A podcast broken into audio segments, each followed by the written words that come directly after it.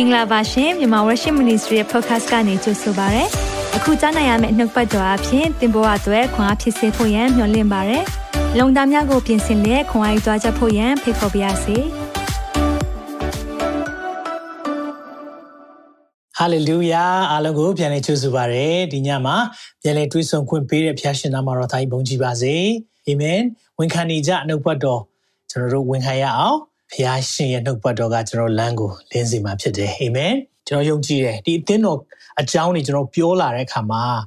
တခါလေကျွန်တော်တို့ကအဝေးကိုမကြည့်စေချင်ဘူး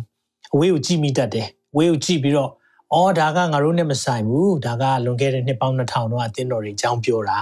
ဒါမှမဟုတ်ရင်ဒါငါတို့အသင်းတော်မဟုတ်ဘူးသူများအသင်းတော်ဖြစ်တယ်စသဖြင့်ကျွန်တော်ထင်တတ်တယ်တကယ်တော့ကျွန်တော်ဆင်ခြင်ဖို့က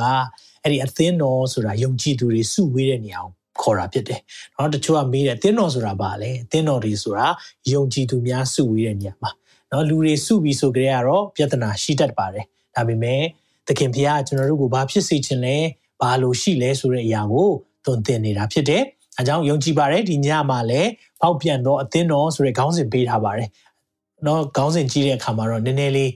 အာနားထောင်ရတာဒါမှမဟုတ်ရင်ခံယူရမှာခက်တယ်လို့ဖြစ်ကောင်းဖြစ်လိမ့်မယ်ဒါပေမဲ့ တခါလေမှာဖခင်ရဲ့နှုတ်ပတ်တော်ကျွန်တော်တို့ကိုထိုးတဲ့အခါမှာเนาะအလင်းထိုးတဲ့အခါမှာကျွန်တော်မျက်စိကျင်းလို့ခံစားရကောင်းခံစားလိမ့်မယ်ဒါပေမဲ့ကျွန်တော်တို့အထဲကမှောင်တဲ့အနေအရာတွေကိုထိုးပေးမှဖြစ်တယ်အာမင်ဒါကြောင့်ယုံကြည်ပါတယ်ဒီညမှာလည်းဝန်ခံရအောင်နှုတ်ပတ်တော်သည်အကျွန်ုပ်ခြေရှိမှမိခွက်ဖြစ်၍ကျွန်ုပ်လန်ကြီးကိုလင်းစေပါတယ်တစ်ခါလောက်အတူဝန်ခံရအောင်နှုတ်ပတ်တော်သည်အကျွန်ုပ်ခြေရှိမှမိခွက်ဖြစ်၍အကျွန်ုပ်လန်ကြီးကိုလင်းစေပါ၏အာမင်ဒီရဲ့ကြားနာမယ်နှုတ်ပတ်တော်အဖြစ်သင်ပေါ်မှာလင်းမယ်သင်ပါလို့ရမလဲဆိုတာသိသွားမယ်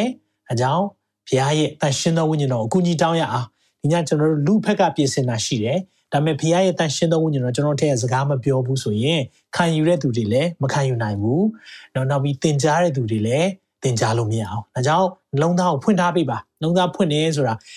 သင်ကြားလိုတဲ့စိတ်နဲ့တော့ကိုယ့်ကိုပြောနေတဲ့အခါမှာငါ့ကိုဒါတက်တက်မဲ့စော်ကားတာပဲဒီလိုမခံယူဘဲနဲ့အော်ငါအသက်တာမှာ ဖခင်ကဘာတွေပြုပြင်စေခြင်းလဲဒီညမှာကိုတော့ကျွန်တော်ကိုကျမကိုကြားရတဲ့အခွင့်ပေးပါစသဖြင့်ကျွန်တော်တို့ကခံယူမယ်ဆိုရင်ပြောလိုက်တဲ့အရာတိုင်းဟာကိုကို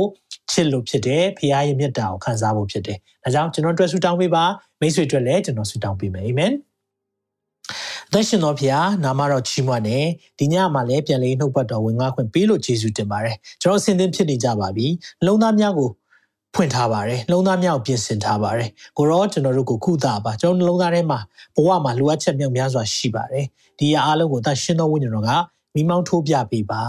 လှုပ်ဆောင်ရမယ့်အရာအားလုံးမှာဘုရားရဲ့ပါရှိခြင်းနဲ့လမ်းပြခြင်းရှိစေပါတက်တာခြင်းနဲ့အားလုံးကိုလက်ဝဲနာအနှံ့နဲ့ခံယူနေကြတဲ့သားမိအကြီးဆုံးမှငယ်ဆုံးတိုင်းကိုဘုရားရှင်ရဲ့တန်ရှင်းသောဝိညာဉ်တော်ဘုရားတို့ထီလျက်ဒီနှုတ်ပတ်တော်အဖြစ်လွတ်မြောက်ရတဲ့ခွင့်ပေးပါကျွန်တော်နှုတ်ဆက်ရှာနဲ့အုံနောက်ဉာဏ်ပညာဉာဏ်စီအားလုံး ဆက်ပစ္စည်းများအလုံးကိုလည်းလက်ဝင်နိုင်အနန္နဲ့ကိုရဲပါရှိခြင်းနဲ့လမ်းပြခြင်းရှိစေပါမိကြောင်းတပါးတိတော်သားရမြတ်ယေရှုနာမ၌ဆုတောင်း၍ဤစီစဉ်ကိုစက္ကန့်အနံပါ၏ပါအာမင်အာမင်ဟုတ်ပြီကျွန်တော်တို့နှုတ်ပတ်တော်အခုဆိုရင်လေးလာလာတာဆိုရင်အသင်းတော်၄ခုမြောက်တောင်ရှိသွားပြီเนาะဆိုတော့ကျွန်တော်အသင်းတော်9ပါးလို့ပြောတဲ့အခါမှာဗျာဒိတ်ကျမ်းထဲမှာသခင်ယေရှုက အသင်းတော်ခုနှစ်ပါးကိုစာရေးပါတယ်အဲ့ဒီစာထဲမှာဘာတွေပြောထားသလဲဒီစာထဲကနေကျွန်တော်တို့ဘာတွေသင်ယူနိုင်မလဲဆိုတာကိုလေ့လာနေတာဖြစ်ပါတယ်ဆိုတော့ဟုတ်ပြီကျွန်တော်တို့သင်းတော်ခုနှစ်ပါးကိုကျွန်တော်လေ့လာတဲ့အခါမှာဒီနေ့ဒီနေ့ဆိုရင်တော့เนาะနံပါတ်၄အဲခုမြောက်ဖြစ်တဲ့ဖောက်ပြန်သောအသင်းတော်သွားဒီရဆိုရဲ adulteress เนาะ adulteress ဆိုတာကတော့သစ္စာမရှိတာဖောက်ပြန်ခြင်းတာပေါ့เนาะဆိုတော့ကိုချစ်တဲ့လူရှိရတာနဲ့တခြားမှာเนาะဒါမျိုး ဘာကြောင့်မလို့ဖခင်ကဒါကိုပြောတာလဲဆိုတာကိုကျွန်တော်နှုတ်ပတ်တော်နဲ့စင်ကြယ်ရအောင်လို့ဟုတ်ပြီဆိုတော့ဖောက်ပြန်သောအသင်းတော်သွားတိယဆိုတာဘာကိုပြောတာလဲเนาะဒီအသင်းတော်နဲ့ပတ်သက်ပြီးတော့ကျွန်တော်တို့အနေအချင်းလေးနောက်ခံသမိုင်းလေးကိုပြောပြချင်ပါတယ်အဲ့ဒီနောက်ခံကတော့ဘာလဲဆိုတော့အဲ့ဒီအသင်းတော်ကပေရဂန်အသင်းတော်နဲ့သာဒီအသင်းတော်ကြားထဲမှာရှိတယ်เนาะဆိုတော့နောက်တစ်ပတ်မှာပြောမဲ့သာဒီအသင်းတော်ရဲ့ပြီးခဲ့တဲ့အဲသင်ခန်းစာတော့ပြောခဲ့တဲ့ပေရဂန်အသင်းတော်ကြားထဲမှာရှိတယ် ဒီအသင်းတော်ခုနပါပါကိုပြောတဲ့เนาะဒီမြို့ခုနမြို့ပေါ့เนาะမြို့ခုနမြို့မှာရှိတဲ့အသင်းတော်ခုနပါမှာဒီမြို့ကအငယ်ဆုံးမြို့ဖြစ်တယ်ဒါပေမဲ့ရေးတဲ့စာအရှိဆုံးဖြစ်နေတယ်เนาะဆိုတော့အသင်းတော်ခုနပါထဲမှာသူတို့သခင်ယေရှုပြောစရာအများဆုံးအသင်းတော်ဖြစ်နေတယ်เนาะဆိုတော့တော်တော်ရှိတယ် ဒီမှာစိတ်ဝင်စားဖို့ကောင်းတာအလုတ်သမားအသင်းဖွဲ့နေ နော်ဆိုတော့ union ပေါ့အခုချိန်မှာဆို guilds လို့ခေါ်တယ်နော်ဘာကိုခေါ်တာလဲဆိုတော့ဥမာကျွန်တော်နားလည်အောင်ပြောရရင်အဲဥမာ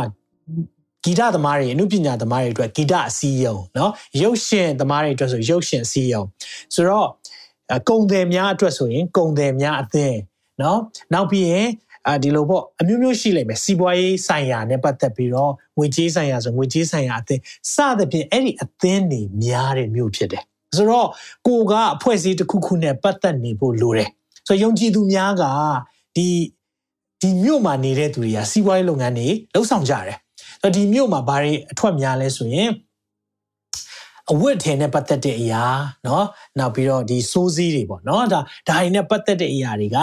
အရင်ခေတ်စားတယ်နောက်ပဒိန်လက်မှုပစ္စည်းတွေလည်းခေတ်စားခဲ့တဲ့မျိုးဖြစ်တယ်ဆိုတော့ဒါနဲ့ပတ်သက်ပြီးတော့နည်းနည်းကြည့်ရအောင်เนาะဆိုတော့ဒီမြို့ကအခုချိန်မှာသွားတိယမြို့ เนาะကျွန်တော်တို့သိတဲ့ဒီနာမည်နဲ့မဟုတ်တော့ဘဲနဲ့အခုတူရကီနိုင်ငံမှာအခီဆာเนาะအခီဆာမြို့ဆိုပြီးတော့ပဲရှိတော့တယ်အဲ့ဒီမြို့မှာတော့မှမြို့ပြက်တဲ့အပိုင်းစာနည်းနည်းပဲကြံတော့တယ်เนาะကျွန်တော်တခြားမြို့တွေကျွန်တော်တို့လေ့လာတဲ့အခါမှာအပိုင်းစာတော်တော်များများကြံခဲ့သေးတယ်တချို့နေရာတွေဆိုတော်တော်ကောင်းကောင်းလေးရှိပြီးတော့ကဘာလက်ခီးတွေเนาะအထူးသဖြင့်ယုံကြည်သူတွေကဒါအသင်းတော်တွေရှိခဲ့တဲ့မြို့တွေဆိုပြီးတော့လေပတ်လေးရှိတယ်ဒါမျိုးဒီမြို့မှာကြတော့လှုပ်ဖို့ရန်အတွက်နည်းနည်းခက်တယ်။ဘာကြောင့်လဲဆိုတော့ကြံတဲ့ မြို့အစိတ်ပိုင်းလေးတွေကတိတ်မကြံတော့ဘူးဆိုတာကိုကျွန်တော်လေ့လာတွေ့ရှိရတယ်เนาะဆိုတော့နည်းနည်းလေးတော့ကြံသေးတယ်ဒါပေမဲ့ဟိုမြို့ဟောင်းရဲ့အကျွင်းအကြံလေးတွေကြံခဲ့ပြီမဲ့ဟိုဘက်မှာဆိုရင်တော့တကယ်ကိုစီကားနေတဲ့အခုခစ်သစ်เนาะတိုက်တာအဆောက်အုံတွေကိုတွေ့ရမှာဖြစ်တယ်ဒါကိုကြည့်ခြင်းအဖြစ်ဒီမြို့ကအရင်ရှေးဟောင်းအမွေနှင့်ပစ္စည်းတွေမကြံတော့လောက်တလောက်ကိုဖြစ်သွားပြီဆိုတာကိုကျွန်တော်တွေ့ရတယ်ဟုတ်ပြီဒီမြို့မှာကျွန်တော်တို့ အာနော်ဒီမျိုးနဲ့ပတ်သက်ပြီးတော့ဆက်ဆက်တဲ့အာအမျိုးသမီးတယောက်ကြောင်းပြောပြချင်တယ်အဲဒီအမျိုးသမီးတယောက်ကြောင်းတမန်တော်16ထဲမှာပြောပြထားတယ်ဒီတမန်တော်16အကြောင်းအရာကိုကျွန်တော်နှုတ်ပတ်တော်ဟောဘူးတယ်သကောင်ရန်ချီးမွမ်းတန်ဆိုပြီးတော့ပေါလုနဲ့တီလာအချင်းကြတဲ့အချိန်မှာဘုရားကိုချီးမွမ်းခြင်းအပြင်လွတ်မြောက်တယ်ဆိုတဲ့နှုတ်ပတ်တော်ကျွန်တော်ဟောဘူးတယ်ဆိုတော့အဲ့ဒီမြို့အကြောင်းကိုပြောတဲ့အခါမှာလူဒီနော်လီဒီယာအင်္ဂလိပ်လိုလီဒီယာလို့ခေါ်တယ်လူဒီဆိုတဲ့အမျိုးသမီးကဘာဘာအမျိုးသမီးလဲဆိုတော့အဲ့ဒီမှာဘာပြောလဲဆိုတော့ ထိုအခါနီမောင်းသောအထည်လိတ်ကိုရောင်းတော့တယ်နီမောင်းသောအထည်လိတ်ဆိုတော့သူအထည်ပစ္စည်းတွေရောင်းတယ်တဲ့နော်ဆိုတော့သွားတိရဲနော်အင်္ဂလိပ်လိုကတော့နာမည်အတူတူပဲသွားတိယသွားတိရဲနော်သူတို့အဲ့လိုပြောင်းပြီးသုံးထားတယ်မြို့သူလူဒီဆိုတော့ဒီလူဒီအမျိုးသမီးကလီဒီယာလို့အင်္ဂလိပ်လိုခေါ်တာကဥရောပမှာเนาะအခုချိန်မှာဥရောပဖြစ်သွားပြီပေါ့เนาะဒါပထမဦးဆုံးပြောင်းလဲတော်သူဖြစ်တယ်เนาะဆိုတော့ first convert เนาะဒါ Europe မှာ ပြောင်းလဲတာ။ तू က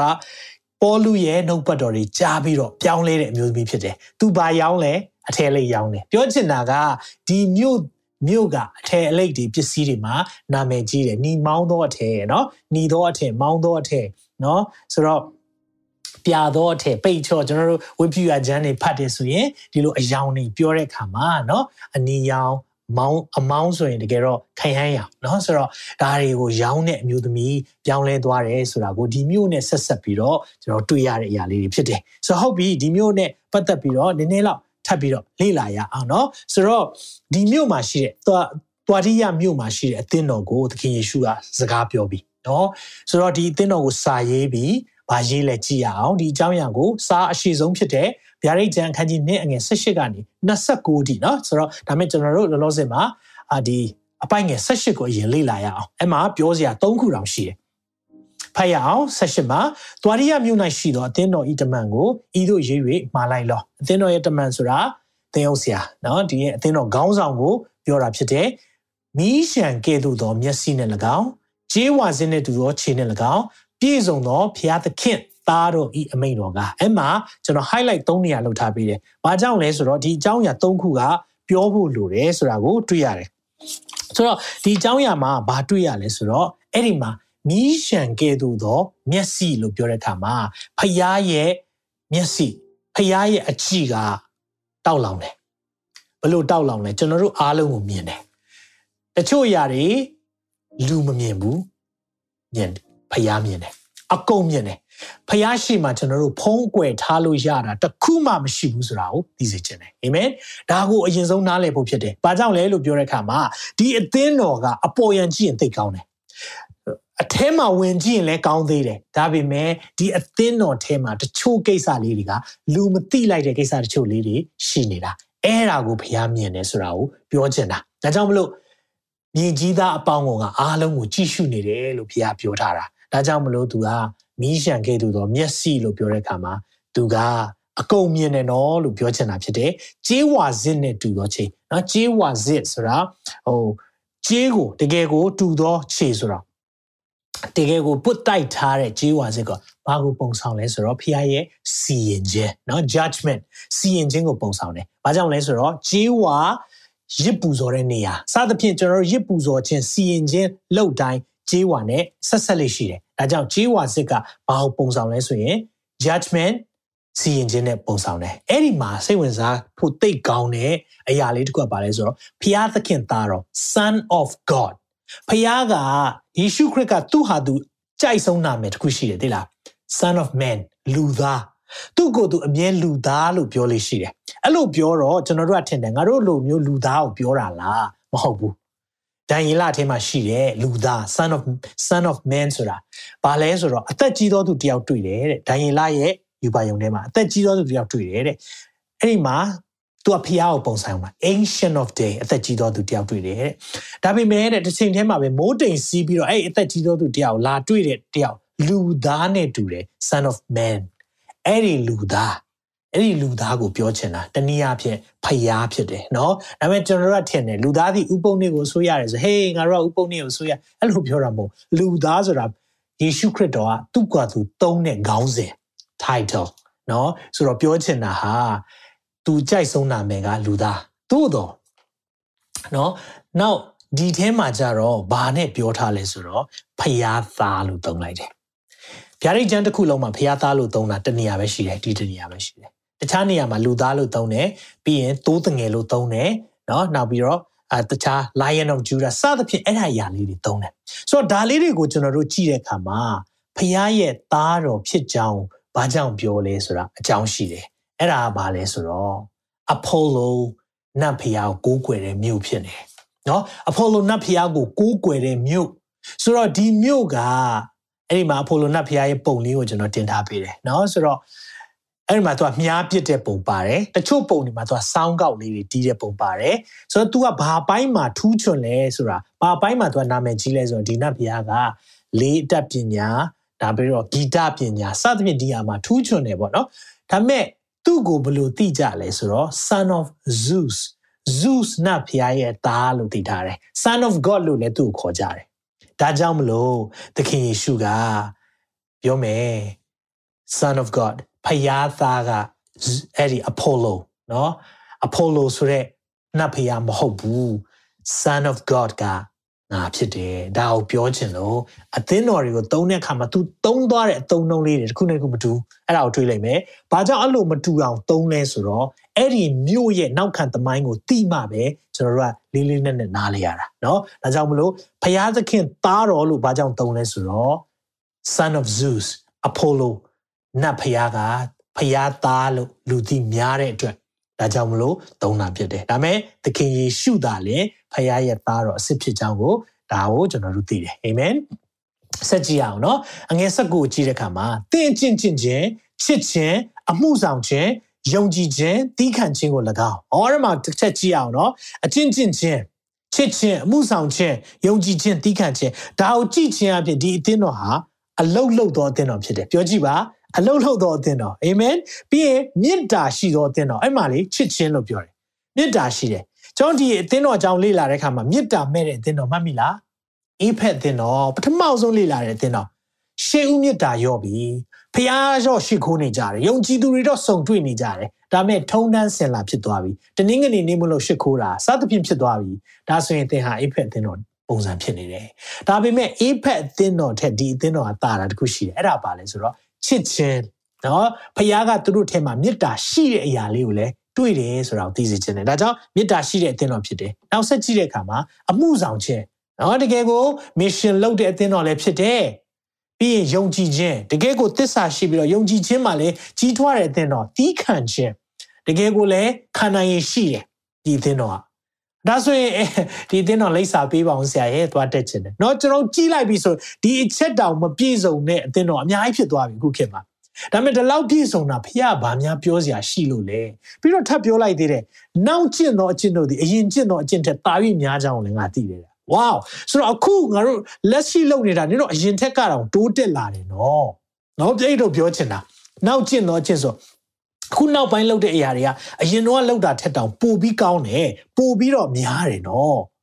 ဒါဆိုရင်ဘာများပြောစရာရှိလဲနော်အမှုဆောင်တဲ့အသင်တော်ချစ်ချင်းလည်းရှိတယ်ယုံကြည်ခြင်းလည်းရှိတယ်တီးခံခြင်းလည်းရှိတယ်အချင်းချင်းချင်းနဲ့လည်းပြည့်စုံတယ်ဝေါဒီအသင်တော်ကြီးလိုက်ရင်ဒါတော်တော်ကောင်းနေပြီဒါပေမဲ့ဘာဆက်ပြောလဲဆိုတော့အဲ့ဒီမှာသို့တော်လေเนาะအငယ်20မှာကြည်ပါသို့တော်လေ အဲ့ဒီစကားတော့ကျွန်တော်သိမကြားခြင်းဟုတ်တယ်နော်ဖခင်ကျွန်တော်တို့ကိုကောင်းတဲ့အရာလေးတွေအရင်ဆုံးပြောပြပေးတယ်နော်နော်မေတ္တာရှိတယ်မင်းတို့ mission လဲလုပ်တယ်ဖခင်ရဲ့ပုံမှာလဲအချင်းချင်းနဲ့ယုံကြည်ခြင်းလဲကောင်းတယ်သစ္စာလဲရှိတယ်ဟုတ်ပြီဒါပေမဲ့နော်အဲ့ဒီဒါပေမဲ့တော့ကျွန်တော်သိမကြားခြင်းဒါပေမဲ့ကြားရမယ်ကြည်ရမယ်ဒါမှသာကျွန်တော်တို့ဘုရားကဘာဖြစ်စေခြင်းလဲဆိုတာသိရမယ်အဲ့ဒီမှာဘာပြောလဲ ငါဤအစေခံကျွန်တို့သည်ဘုရားရဲ့အစေခံကျွန်တွေဟာတဲ့မတရားသောမိထုံကို ပြုစေခြင်းက၎င်းလာပြန်ပြီအရင်တစ်ပတ်ကလည်းကျွန်တော်အရင်သင်ခန်းစာတုန်းကလည်းကျွန်တော်လေ့လာခဲ့တယ်ဒီမတရားသောမိထုံကိစ္စဘုရားပြန်ပြောပြန်ပြီဒါဆိုရင်ယေရှုခရစ်ကမနေ့ယနေ့နောင်ကာလမပြောင်းမလဲသောဘုရားဖြစ်လားဖြစ်တယ်နော်မနေ့ယနေ့နောင်ကာလမပြောင်းလဲအသက်ရှင်သောဘုရားဆိုရင်အဲ့ဒီဒုံကမတရားသောမိထုံမကြိုက်ဘူးဆိုရင်အခုကြိုက်သွားပြီလား မိခွန်းမေးမယ်နော်လွန်ခဲ့တဲ့နှစ်ပေါင်း2000တော့အသင်းတော်တွေကိုစာရေးတော့မတရားသောမိထုံကိုမကြိုက်ဘူးဆိုရင်အခုအချိန်မှလှုပ်လို့ရလားမရဘူးအဲ့ဒါအောင်နားလဲပါမိတ်ဆွေဖျားရဲ့ standard ဘယ်တော့မှမပြောင်းလဲဘူးဒါပေမဲ့ကျွန်တော်တို့ရဲ့ theology ဖျားကို study of god လို့ခေါ်တယ်နော် theology ဆိုတာဖျားအကြောင်းလေ့လာတာပြောင်းပြောင်းလာတယ်ကျွန်တော်တို့တွေကပြောင်းပြောင်းလာပြီးတော့တချို့အရင်ကဖျားကို သိတဲ့ပုံစံတဲ့အခုပိုသိလာတာရှိတယ်။ဘုရားအကြောင်းတော့ကျွန်တော်တို့လုံးစိပတ်စီသိနိုင်အောင်မှာမဟုတ်ဘူးဒီချိန်မှာ။နော်ဘုရားနှုတ်ပတ်တော်ဖွင့်ပြသလောက်သိရမယ်။ပြီးရင်ဘုရားကျွန်တော်တို့သိစေလိုသလောက်ပဲသိရမယ်။ဒါပေမဲ့အားလုံးသိဖို့တော့မဖြစ်နိုင်ဘူး။ဒါပေမဲ့ကျွန်တော်တို့အဲ့ဒီထဲမှာ excuse လို့ခေါ်တဲ့နော်စင်ချီတွေပေးပြီးတော့ကျွန်တော်တို့တွေကိုကြိုက်တဲ့အရာတွေကိုလှုပ်ဆောင်လာပြီဆိုရင်တော့တတိထားပါဒါကိုသတိပေးခြင်းတယ် ဆက်ပြီးတော့ကျွန်တော်ကြည့်တဲ့အခါမှာမပြောလဲရုပ်တုရှိမှပူဇော်သောရစ်ကောင်ကိုစားစေခြင်းက၎င်းအဲ့ဒီမှာကြည့်တဲ့အခါမှာ prophet မဟု၍ကိုကိုကိုခေါ်ဝတော်သင်ခင်ပွန် Jezebel Jezebel အဲ့ဒီအကြောင်းပြောပြမယ်ဒီနေ့ Jezebel အသင်းတော်တွေကိုဖျက်ဆီးခြင်းနဲ့ဝိညာဉ်ဆိုအများကြီးရှိတယ်စာတန်ကတော့ခိုးဖို့တတ်ဖို့ဖျက်ဆီးဖို့စာတန်ရဲ့ဒုတာဝန်ရေးသုံးပါရှိတယ်ဆိုတာပြောပြချင်တယ်ခိုးမယ်တတ်မယ်ဖျက်ဆီးမယ်ဒါပဲ သူ့ရဲ့တာဝန်ကဆိုတော့စာတန်ရဲ့အဓိကပြစ်မှတ်သည်အသင်းတော်တွေကိုဖျက်ဆီးမယ်ဘာကြောင့်အသင်းတော်တွေကိုဖျက်ဆီးချင်တာလဲယုံကြည်သူများစုဝေးတာမကြိုက်ဘူးယုံကြည်သူများကိုဖျက်ဆီးချင်တာဒါကြောင့်အသင်းတော်ကိုအမြဲဖျက်ဆီးချင်တယ်အဲ့ဒီထဲမှာကျွန်တော်အတွေ့အကြုံရတော့ကြားဖူးတဲ့အရာတွေသင်ကြားမှုရဲ့အရာရောယေဇဗေလ Jezebel spirit ကတော်တော်ပြင်းတယ်ဆိုတာသိစေချင်တယ်တော်တော်ပြင်းတယ်ဆိုတာတော်တော်လေး strong ဖြစ်တယ်ပြီးရင်အသင်းတော်ထဲမှာသူ့ရဲ့နေတဲ့ပုံစံလေးနဲ့ သူ့ရဲ့အလုံးလုံးတဲ့ပုံစံလေးကသိတ်ကိုတူဝတ်တယ်ပြီးရင်ဒီရဲ့ဝိညာဉ်ဆိုးရဲ့လောက်ရက်ကတတိမထားမိဘူးဆိုရင်ကျွန်တော်တို့ကပျက်စီးဖို့တိတ်လွယ်တယ်ဆိုတာသိစေချင်တယ်ဒါကြောင့်ဒီနေ့ယေဇဗေလအကြောင်းနည်းနည်းပြောပြမယ်ဆိုတော့ဒီမှာစိတ်ဝင်စားဖို့တိတ်ကောင်းတာဘာလဲဆိုတော့အဲ့ဒီယေဇဗေလလို့ပြောတဲ့အခါမှာဓမ္မဟောင်းခေတ်ကာလတုန်းကမိဖုရားနာမည်ဖြစ်တယ်အာဟတ်မင်းကြီးရဲ့ဇနီးတဲ့မိဖုရားယေဇဗေလ အဲ့ဒီယေဇဗေလဘာလို့ဒီမှာပြန်ပေါ်လာလဲဆိုရင်ဒီအမျိုးသမီးတယောက်တည်းကိုပြောတာမဟုတ်ဘဲနဲ့ယေဇဗေလကဲ့သို့သောအမျိုးသမီးဆိုတော့ကျွန်တော်တို့ကယေဇဗေလကိုနည်းနည်းလေးလာဖို့လိုတယ်ယေဇဗေလအသက်ပြန်ရှင်လာတာမဟုတ်ဘူးเนาะဒါကိုနားလေစေချင်တယ်အဲ့ဒီယေဇဗေလလိုမျိုးတယောက်အဲ့လိုယေဇဗေလလိုစိတ်ဓာတ်ရှိတဲ့တယောက်ယေဇဗေလရဲ့ဝိညာဉ်ရထားတဲ့တယောက် ပြောမယ်ဆိုရင်တော့ spirit of Jezebel ဒီ spirit of Jezebel ဟာဘယ်လိုလူမျိုးလဲဆိုတာကျွန်တော်ပြောပြမယ်နော်အဲ့ဒီအကြောင်းကိုကျွန်တော်အသေးစိတ်သိချင်တယ်ဆိုရင်တော့အာဟတ်နဲ့ယေဇဗေလအကြောင်းကို300ဆိုတာဓမ္မရာဇဝင်တတိယဆောင်အခန်းကြီး18 19နဲ့21ထဲမှာဖော်ပြထားတယ်သူ့ရဲ့အကြီးမားဆုံးရန်သူကတော့ prophet ဘယ်သူလဲဆိုတော့အေလိယဖြစ်တယ်အေလိယကိုသိမ့်မုံတယ်နော်ဖျားလူကိုသိမ့်မုံတဲ့ အရာကိုလည်းပြောပြခြင်းတယ်ဆိုတော့ဟုတ်ပြီကျွန်တော်တို့ယေဇဗေလကိုတော့ဒီနေ့မှာအများကြီးမပြောဘူးတသက်ကျွန်တော်တို့တွေ spiritual warfare ဆိုတဲ့ subject တစ်ခုအောက်မှာယေဇဗေလအကြောင်းသေးစိတ်ကျွန်တော်ပြောပြမယ်ဒီနေ့မှာအပေါ်ယံလေးပြောပြမယ်ယေဇဗေလဘယ်လိုလူမျိုးလဲဘလို့မျိုးအသင်းတော်ထဲမှာချုပ်ကင်လဲမိသားစုတွေထဲမှာလည်းရှိရနော်အဲ့ဒါကိုလည်းသိစေချင်တယ်ဆိုတော့တခါလေသတိမထားမိရင်ယုံကြည်သူတွေကိုယ့်ကိုယ်လည်းယေဇဗေလဝိညာဉ်ဆိုအုပ်ဆိုးနေတတ်တယ်ကိုကမသိလိုက်ဘူးနော်ဒါပေမဲ့အဲ့ဒီယေဇဗေလဝိညာဉ်ဆိုအုပ်ဆိုးတဲ့ အရာကိုကျွန်တော်တို့တွေသတိမထားမိဘူးဆိုရင်သိအန္တရာယ်ရှိတယ်အသင်းအဖွဲ့တွေကိုပျက်စီးသွားဖို့ဖျားလူတွေပျက်စီးသွားဖို့ကျွန်တော်တို့ယေဇဗေလဝိညာဉ်ဆိုကိုခွင့်ပြုမိတတ်တယ်เนาะဒါကြောင့်မလို့ကျွန်တော်တို့တွေသတိထားရအောင်เนาะဒါလေးကိုကျွန်တော်ပြောပြချင်တယ်ဆိုတော့ဆက်ကြည့်ရအောင်ယေဇဗေလရဲ့အမှုကျင့်ထဲမှာဘာပါလဲဆိုရင်တော့သူကတဲ့ she loves authority and being in control ခွင့်အာဏာနဲ့ချုပ်ကန်ရတာသိကြိုက်တယ် ဆိုတော့အသင်းတော်တွေထဲမှာတယောက်ယောက်ကအားလုံးကိုချုပ်ကန်ခြင်းနဲ့ထိန်းချုပ်ခြင်းပြီးဟေ့ဆိုရင်သတိထားပါတခါလေကောင်းသောထိမ့်သိမ့်ခြင်းရှိတတ်တယ်လို့တခါလေမှာအဲအဲ့ဒီနောက်ွယ်မှာထိမ့်ချုပ်ခြင်းရဲ့နောက်ွယ်မှာမကောင်းတဲ့အမှုကျင့်တွေမကောင်းတဲ့အကြံစီတွေရှိနေတတ်တယ်။ဒါကြောင့်မလို့ဒီယေဇဗေလဝိညာဉ်စုဟာခေါင်းဆောင်တွေကိုတိုက်ခိုက်တတ်တယ်။ နောက်ပြီးရင်အမျိုးသမီးတွေပဲတိုက်ခိုက်တာမဟုတ်နော်။အမျိုးသားတွေထဲမှာလည်းရှိတာကိုတွေ့ပူတယ်။နော်ဆိုတော့သင်းအုပ်ဆရာကိုလည်းတိုက်ခိုက်တတ်တယ်။ပြီးရင်သင်းအုပ်ဆရာမနော်ဒါမှမဟုတ်ရင်အသင်းတော်ထဲမှာရှိတဲ့နော်ဒီမှာဆိုရင်တော့ prophet လို့သူ့ကိုယ်သူခေါ်တယ်တဲ့နော်ဆိုတော့အဲ့ဒါလည်းသတိထားဖို့ဖြစ်တယ်ဆိုတော့ prophet လို့ခေါ်လာတဲ့သူတွေလည်းတိုက်ခိုက်တတ်တယ်ငါကိုကျွန်တော်တို့ဒီအရင်ဆုံးနားလည်ဖို့လိုတယ်ဆိုတော့သူက control လုပ်ခြင်းနဲ့ power authority ဆိုတာအခွင့်အာဏာကိုသူကင်ခြင်းတယ် အဲ့ဒါရဖို့ကိုသူစူးစမ်းလေးရှိတော်သူဖြစ်တယ်နော်ဒါကိုကျွန်တော်တို့အခွင့်အာဏာကိုတအားလိုချင်လာပြီဟဲ့အသင်းတော်ထဲမှာလုံးဝအာဏာပြလာပြီဟဲ့ဖះအလိုတော်နဲ့မညီဘဲနဲ့နော်ဒါမျိုးပြလာဒါပေမဲ့ကျွန်တော်နားလည်ဖို့ကတော့တခါလေဟာဒါဆိုရင်တော့ငါတို့တင်းအောင်ဆရာနဲ့တူတာပဲသူကတကယ်ကိုအခွင့်နော်ဖះကတင်းအောင်ဆရာကိုအခွင့်အာဏာပေးပြီးသားဖြစ်တယ်အဲ့ဒီပုံမှာနော်အမှုဆောင်ခြင်းအတွက်ခွဲဝေ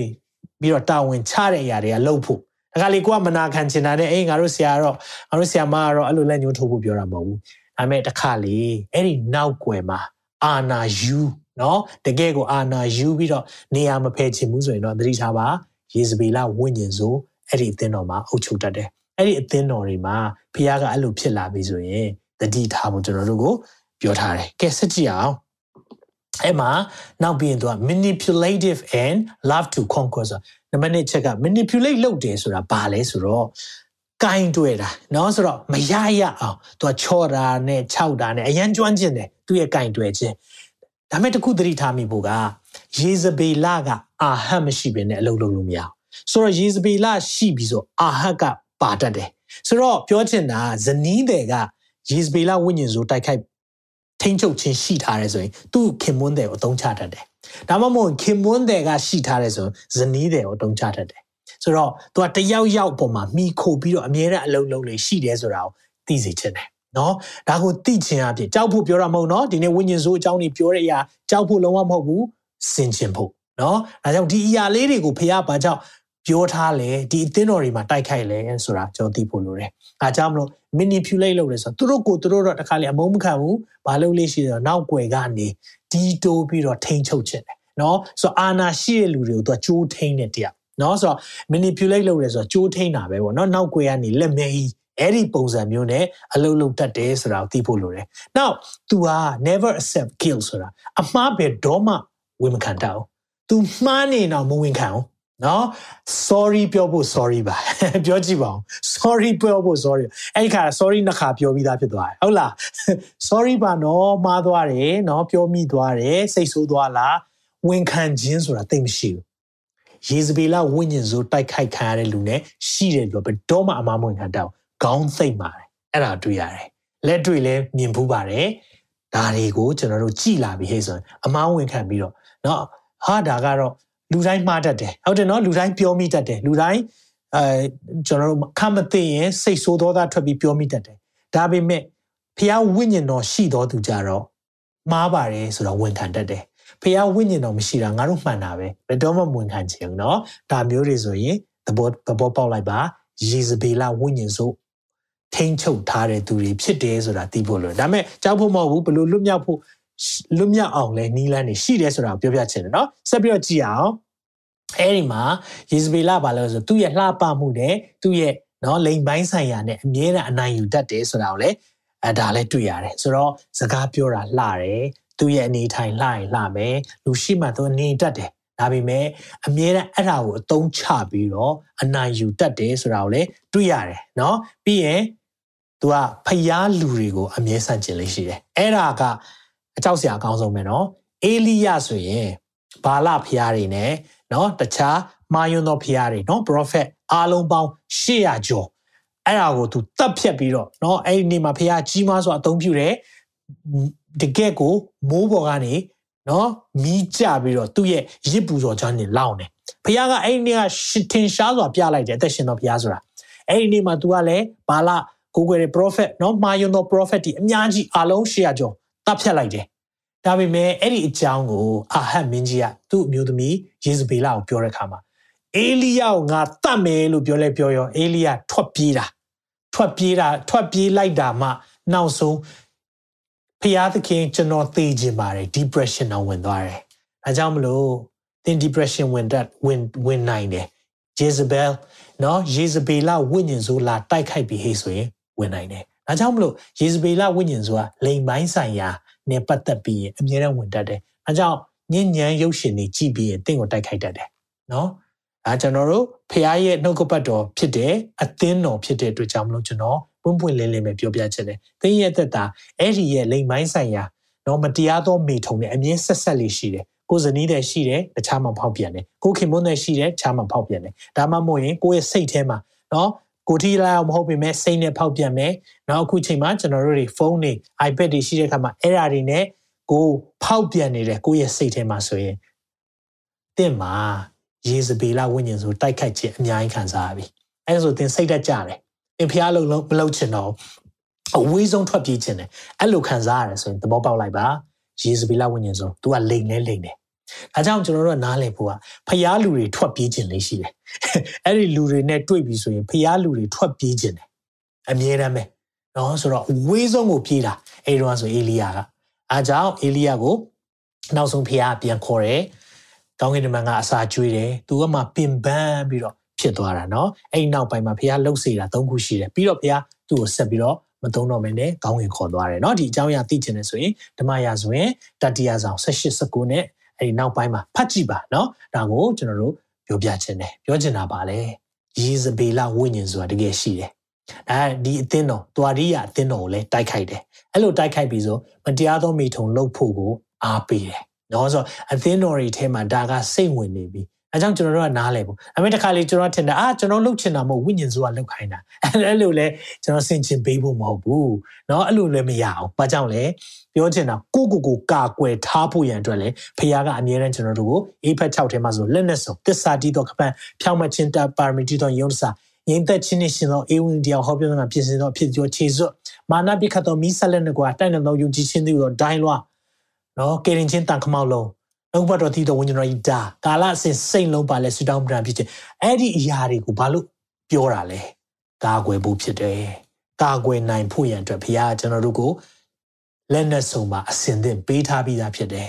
ဒါပေမဲ့ကျွန်တော်တို့သတိမမူဂူးမမြင်အဲ့လိုဖြစ်လာတဲ့အခါမှာဘာဆက်ဖြစ်သွားလဲဆက်ပြီးတော့ကြည့်အောင်နော်အဲ့ဒီမှာအုပ်စု၃စုဘုရားခွဲပြလိုက်တယ်နော်အုပ်စု၃စုခွဲလိုက်တယ်ဒီအသင်းတော်ထဲမှာဖြစ်နေတဲ့ထဲမှာအုပ်စု သုံးခုကိုပြောပြလိုက်တယ်အဲ့ဒီမှာနံပါတ်1ကပါလဲဆိုတော့ယေဇဗေလဝိညာဉ်ဇိုးရဲ့နော်ယေဇဗေလနဲ့ဖွဲ့အဖွဲ့ဖွဲ့တဲ့အဖွဲ့တွေပေါ့တနည်းအားဖြင့်မတရားသောမေထုံမိဝဲခြင်းရဲ့ရုပ်တုရှိမှကိုးကွယ်တဲ့ဖျားကိုကိုးကွယ်နေရင်းနဲ့သူတို့ရဲ့ယုံကြည်ခြင်းတွေကဖောက်ပြန်သွားတာဒါဒီအုပ်စုဖောက်ပြန်တဲ့အုပ်စုကိုဘုရားဘာပြောလဲဆိုတာကြည်အောင်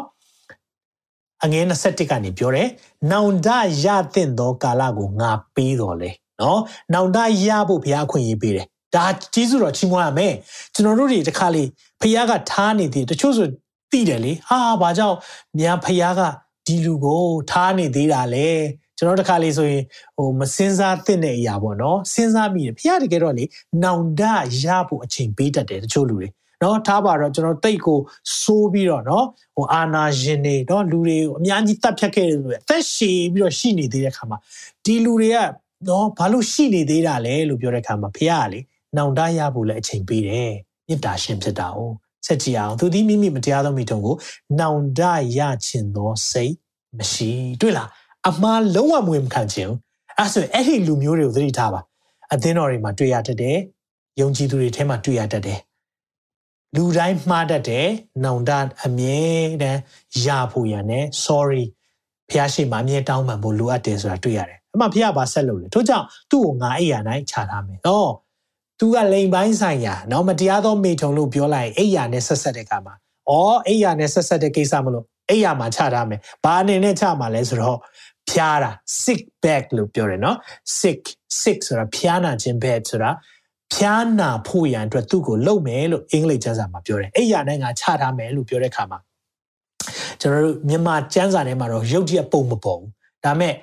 ဘာဘာကိုပြောချင်တာဆိုတော့ तू ကအိယာထဲမှာ တုံတုံလှဲသွားတယ်။ဩတုံတုံလှဲသွားပြီဆိုရင်သဘောပေါက်တယ်။ဖြားသွားတာနေမကောင်းတာအဲ့ဒါကိုပြောတာဖြစ်တယ်။သူနဲ့အတူမတရားသောမိတုံကိုဖြစ်၍ထို့သောအကျင့်ကိုနောင်တမရသောသူကိုလည်းကြီးစွာသောဆင်းရဲခြင်းကိုရောက်စေမယ်။ Great tribulation လို့သုံးထားတယ်ကျမ်းစာထဲမှာကြီးစွာသောဆင်းရဲဒုက္ခခြင်းနော်လုံးဝ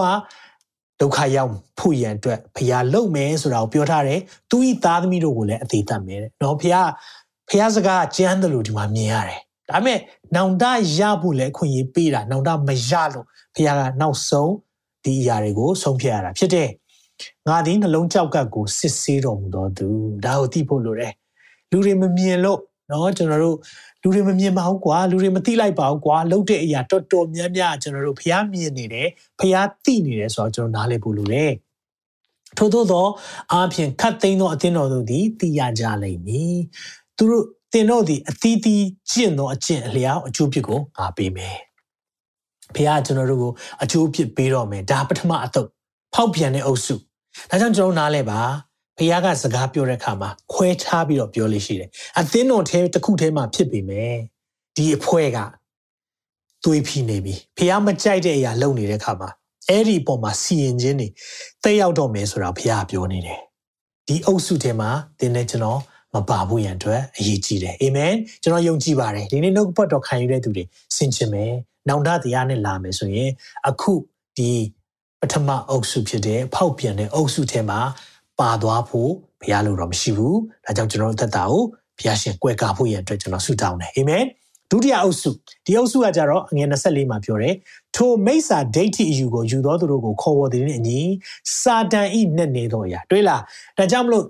ယေဇဗေလဝိညာဉ်နဲ့ပတ်သက်တဲ့အရာဒီဝိညာဉ်ဇိုးနဲ့ပတ်သက်တဲ့အရာဒီစာတန်ရဲ့နဲ့နေတဲ့အရာတော်တော်လေးကိုဟိုဒါနဲ့နေတဲ့အရာတွေအယူဝါဒတွေဖြစ်တယ်ဒါပေမဲ့တဲ့ဒီမှာဖះဘာပြောလဲဆိုဒုတိယအုပ်စုเนาะစာတန်ရဲ့နဲ့နေသောအရာဟုခုံဝသောအရာတို့ကိုမကျွမ်းဆိုတာစာတန်ရဲ့အရာတွေကိုမလုပ်ဘူးပေါ့เนาะနဲ့နေတဲ့အရာတွေကိုမလိုက်လျှောက်ပဲနဲ့ထိုမိစ္ဆာဒိဋ္ဌိအယူကိုမယူ ဒါတွေကိုလည်းမလုပ်ဘူးတနည်းအားဖြင့်မတရားသောမိထုံရဲ့ပြီးတော့ရုပ်ထုရှိမှကိုးကွယ်တဲ့အရာတွေနော်ဒါတွေအသားတွေစားတဲ့အရာတွေမလုပ်ပဲနဲ့တဲ့ကျွန်းသောဆိုတာကြံနေတဲ့တွာတိယမြို့သားတို့ကိုငါဆိုဒီကကြံတဲ့အဖွဲတွေကိုတော့ပြောမယ်နော်တင်တို့ဒီရသမျှကိုငါလာသည့်တိုင်အောင်ဆွဲကင်ကြလောရသမျှလို့ပြောတဲ့ခါမှာကိုရထားတဲ့ယုံကြည်ခြင်းကိုရထားတဲ့ချစ်ခြင်းကိုရထားတဲ့အမှုဆောင်ခြင်းကိုဆွဲကင်ပါ ဆွဲခိုင်ပါအာမင်ဒါကြောင့်ကျွန်တော်တို့ရဲ့အသက်တာကိုဘုရားကကိုရသမျှကိုဆွဲခိုင်ပါလို့ပြောတဲ့အခါမှာကိုရှိထားတဲ့အရာအခုလှုပ်ဆောင်နေတဲ့အရာကိုဆက်လုပ်သွားပါဒါကိုခွန်အားပေးထားတာဖြစ်တယ်အဲဒီမှာကြည့်တဲ့အခါမှာထုံမတပါအခြားသောဝင်တင်တို့နိုင်ငါမတင်အဲ့ဒါလွဲလို့တော့တခြားပြောစရာမရှိပါဘူးအာမင်ဒီဖွဲ့ထဲမှာပါဖို့ဖရားလို့တော့ရှိတယ်ဟာလေလုယာကိုတစ်ဖွဲ့ထဲမှာရှိနေတစ်ဖွဲ့ကတော့ရှိနေပြီတည်နေပြီ။ ဘာကြောင့်တို့ကလည်းရှိတာလဲဆိုတော့စီးပွားရေးလုပ်တဲ့ခါမှာဥပမာဆိုပါစို့เนาะအထည်လုပ်ငန်းနဲ့ပတ်သက်ပြီးတော့အဖွဲ့အစည်းထဲမှာကိုကအထည်လုပ်ငန်းလုပ်တယ်ခုနလိုလူဒီလိုမျိုးအမျိုးသမီးဆိုရင်တော့အထည်လုပ်ငန်းနဲ့ပတ်သက်တဲ့အဖွဲ့အစည်းထဲမှာကိုကပါဝင်နေရပြီဆိုတော့အထည်လုပ်ငန်းအဖွဲ့အစည်းတွေတွေ့ဆုံကြပြီသူတို့တွေပျော်ပွဲရှင်ပွဲတွေလုပ်ပြီးဆိုဘာလုပ်မယ်ထင်လဲတောက်စားပြီပေါ့ပြီးရင်ရုပ်တုရှိမှကိုးကွယ်တယ်เนาะအဖိုလိုဒီသူတို့ကအဲ့ဒီတော့ပွဲလုပ်တိုင်းဒီနတ် ဗိမာန်ဒီမှာပဲတောသွားလှုပ်လေးရှိတယ်။နောက်ကုန်းနေမှာတောသွားလှုပ်တဲ့အခါမှာယုံကြည်သူတွေကလည်းစီးပွားကလည်းလှုပ်ရသေးတယ်အဲ့ဒီအချိန်မှာဒီအဖွဲ့တွေနဲ့လည်းမပေါင်းခြင်းလည်းပေါင်းနေရသေးတယ်ပေါင်းနေတဲ့အခါမှာခုနလိုမျိုးဟာငါတို့ဒီညတော့ငါတို့ဒါနှစ်ပတ်လေကုံတယ်များအသင်းနှစ်ပတ်လေရှိတယ်အားလုံးတက်ရမယ်ဆိုတော့ကိုကလည်းအထယ်လေးရောင်းတဲ့လူယုံကြည်သူပေမဲ့အသင်းတော်ရှိပေမဲ့အထယ်လေးရောင်းတဲ့ဆိုအဲ့ဒီမှာသွားတယ်ဆိုရင် အော်ရုပ်တုရှိမှာဆိုတာအဲ့ဒီမှာတခြားမှာကျွေးတဲ့အစားတောက်ထက်အဲ့ဒီမှာသူတို့ကနတ်တွေပြပြီးတော့ကျွေးတဲ့ဟာတွေမစားလို့မရတော့အာနာတယ်စားမိတယ်ပြီးရင်သူတို့မတရားသောမိထုံနေအဲ့မှာလှုပ်တဲ့အရာတွေလည်းပျော်ပါမိတယ်တောက်စားမှုရစ်ပြီးဟေးဆိုရင်အဲ့ဒီအဖွဲကအသင်းတော်ထဲကဖြစ်ပေမဲ့ဖះပါမြင်လဲဆိုတော့ဖောက်ပြန်တဲ့ဖွဲလို့မြင်တယ်ဖះပေါ်မှာသစ္စာမရှိတဲ့သူလို့မြင်တယ် ဒါကြောင့်မလို့လောကနဲ့မိသားရဖွဲ့တဲ့သူဟာဖျားသခင်နဲ့စန့်ကျင်ဘက်ဖြစ်တယ်လို့ယာကုပ်လေးထဲမှာပြောထားတယ်။ဖျားသခင်ရဲ့စန့်ကျင်ဘက်ရန်သူလို့ကိုသုံးထားတယ်။အဲဒါကျွန်တော်တို့ကဒီနေ့မှာဘယ်ဖွဲ့ထဲမှာပါကျင်တာလဲ။အဲ့လိုတစ်ဖွဲ့ရှိကောင်းရှိမယ်။ဒါမဲ့ခုနကျွန်တော်တို့ဖတ်ခဲ့တဲ့အဖွဲ့လိုပဲ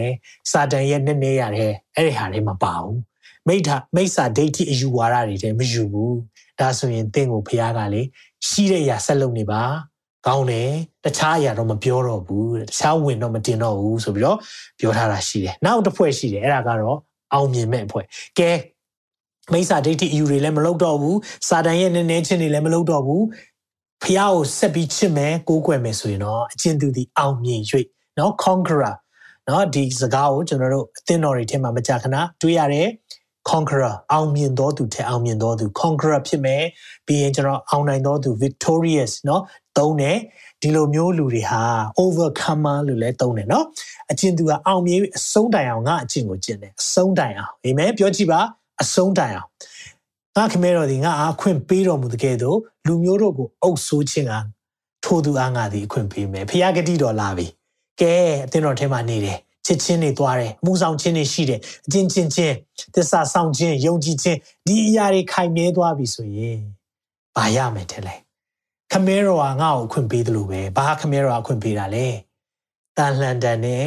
နှစ်တထောင်အုပ်စုချင်းမှာသခင်ယေရှုအုပ်စုရင်သူနဲ့အတူကျွန်တော်တို့လည်းသူ့လက်အောက်မှာအုပ်ဆိုခြင်းခွင့်ရမယ်ဟာလေလုယာတခါလေးဆိုကျွန်တော်တို့တွေကိုဗာပြောလဲဆိုတော့နော်တခါလေးဆိုတကယ်ချင်းတွေကစွပေးတယ်နော်ကျွန်တော်ငယ်တော့ဆိုရင်ဒီလိုပါတီတွေမသွားဘူးလို့ဘာလို့ပြောရင်မင်းတော်တော်လေးကို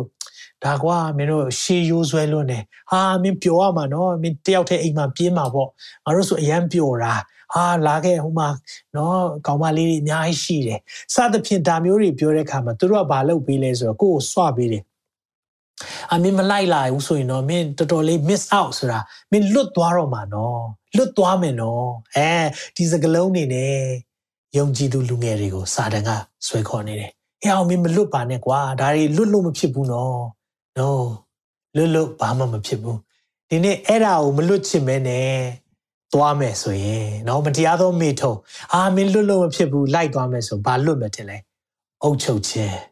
ဖရားရဲ့လက်အောက်မှာကျွန်တော်အုတ်ချုပ်အုတ်ဆိုးခွင့်ရမယ်အခွင့်အာဏာလွတ်သွားမယ်။ကြိုက်တာရွေးပါ။ယုံကြည်သူများအသင်းတော်များကြိုက်တာရွေးပါ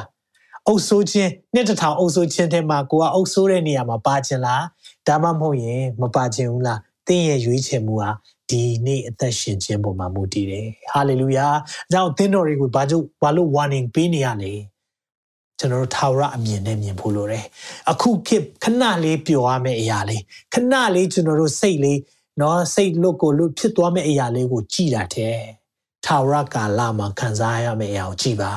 ဒါကိုကြည်လိုက်တဲ့အခါမှာလေအခုခဏလေးပြောရမယ်မတရားသောမိထုံခဏလေးပြောရမယ်ပျော်ပါခြင်းခဏလေးပြောရမယ်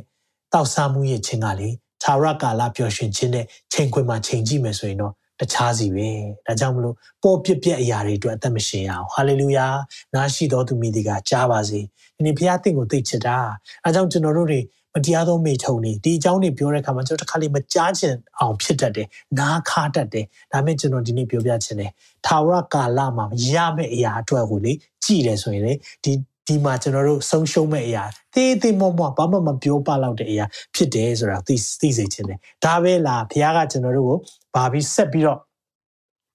အဂတိပေးထားလဲကျွန်တော်ဆက်ကြည့်အောင်เนาะအာ20ခုမှာထိုးသူသည်သူတို့ကိုတန်လန်တန်နဲ့အုပ်ဆို၍ဟုတ်လားတန်လန်တန်နဲ့ယေရှုခရစ်အုပ်ဆိုးတဲ့ကဲ့သို့ပဲအုပ်ဆိုးခွင့်အခွင့်အာဏာရအောင်မှာ မြေအိုးကိုခွဲဖြတ်တဲ့ကဲ့သို့ခွဲဖြတ်မယ်ပြောချင်တာအခွင့်အာဏာရှိတယ် နော်ပြီးရင်အဲ့ဒါပဲမဟုတ်ဂတိထပ်ပေးလိုက်သေးတယ်ဘာပေးလဲမိုးတောက်ကျယ်ကိုလည်းထို့သူကငါပေးမယ်ဝေါ